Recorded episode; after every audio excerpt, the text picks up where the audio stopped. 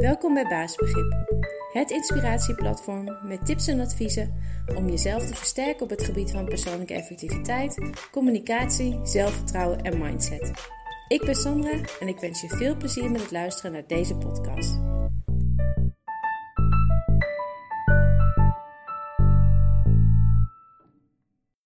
En deze keer gaat de blog over het uh, nou ja, uh, op een hele logische manier aanpakken van een probleem. Want uh, nou, soms heb je een probleem of bevind je je in een lastige situatie waar je van af wilt. Of het blijkt dat een bepaalde manier van werken gewoon toch niet zo goed is en je wilt dit verbeteren. Dan zijn we vaak geneigd om heel snel een mogelijke oplossing of een verandering of nieuw beleid door te voeren. En uh, snelle acties kunnen gewoon zeker helemaal prima zijn. En natuurlijk soms ook zelfs gewoon nodig. Zeker als het om veiligheid gaat of iets dergelijks. En daarnaast is het ook gewoon heel menselijk om nou ja, soms vanuit een soort paniek onmiddellijk een sprong te willen maken naar een soort eindstation of het einddoel. Welke nou ja, in jouw ogen mogelijk beter zou kunnen zijn. Maar over het algemeen um, ja, dan kan het echt handiger en efficiënter zijn om niet te gehaast te werk te gaan. En eerst te bedenken of de oplossing wel echt past bij het probleem of de situatie. Of dat het nieuwe beleid wat je hebt bedacht wel echt zoveel verbetering geeft. Um, hiervoor, uh, om dit gewoon te weten, moet je eigenlijk gewoon volledig op de hoogte zijn van het probleem. Of de lastige situatie, of de ongewenste manier van werken. En met name ook het ontstaan ervan. Um, bijvoorbeeld een klein praktisch voorbeeldje. Uh, we hadden een uh, computerprobleem. En um, we waren eigenlijk, we gingen eigenlijk de hele tijd bezig om gewoon de, direct gewoon de gevolgen daarvan proberen te herstellen.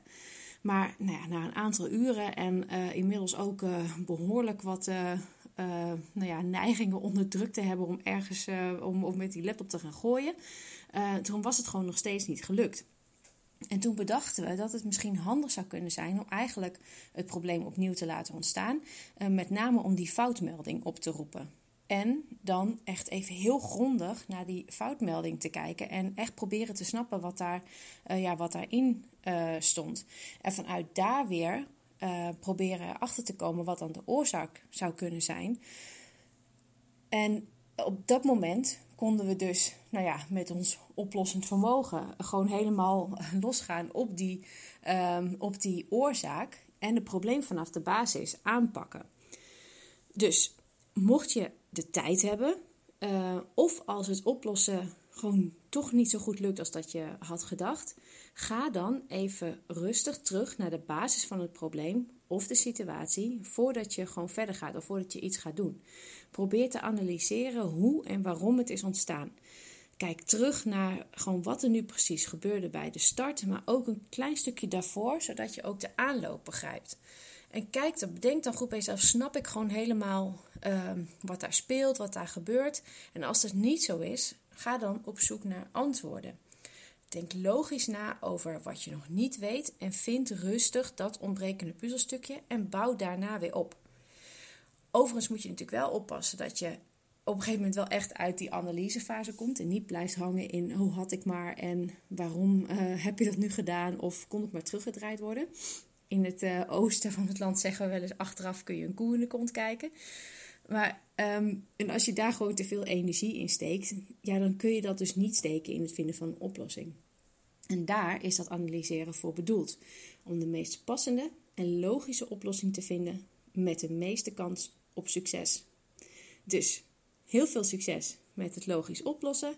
En uh, heb je uh, zelf een lastige situatie of een, nou ja, of een, of een probleem of ergens waar je zorgen over maakt en um, uh, je wil gewoon zelf leren hoe je dat rustig en overzichtelijk en op de meest logische manier kan oplossen. Kijk dan even op uh, www.baasbegrip.nl.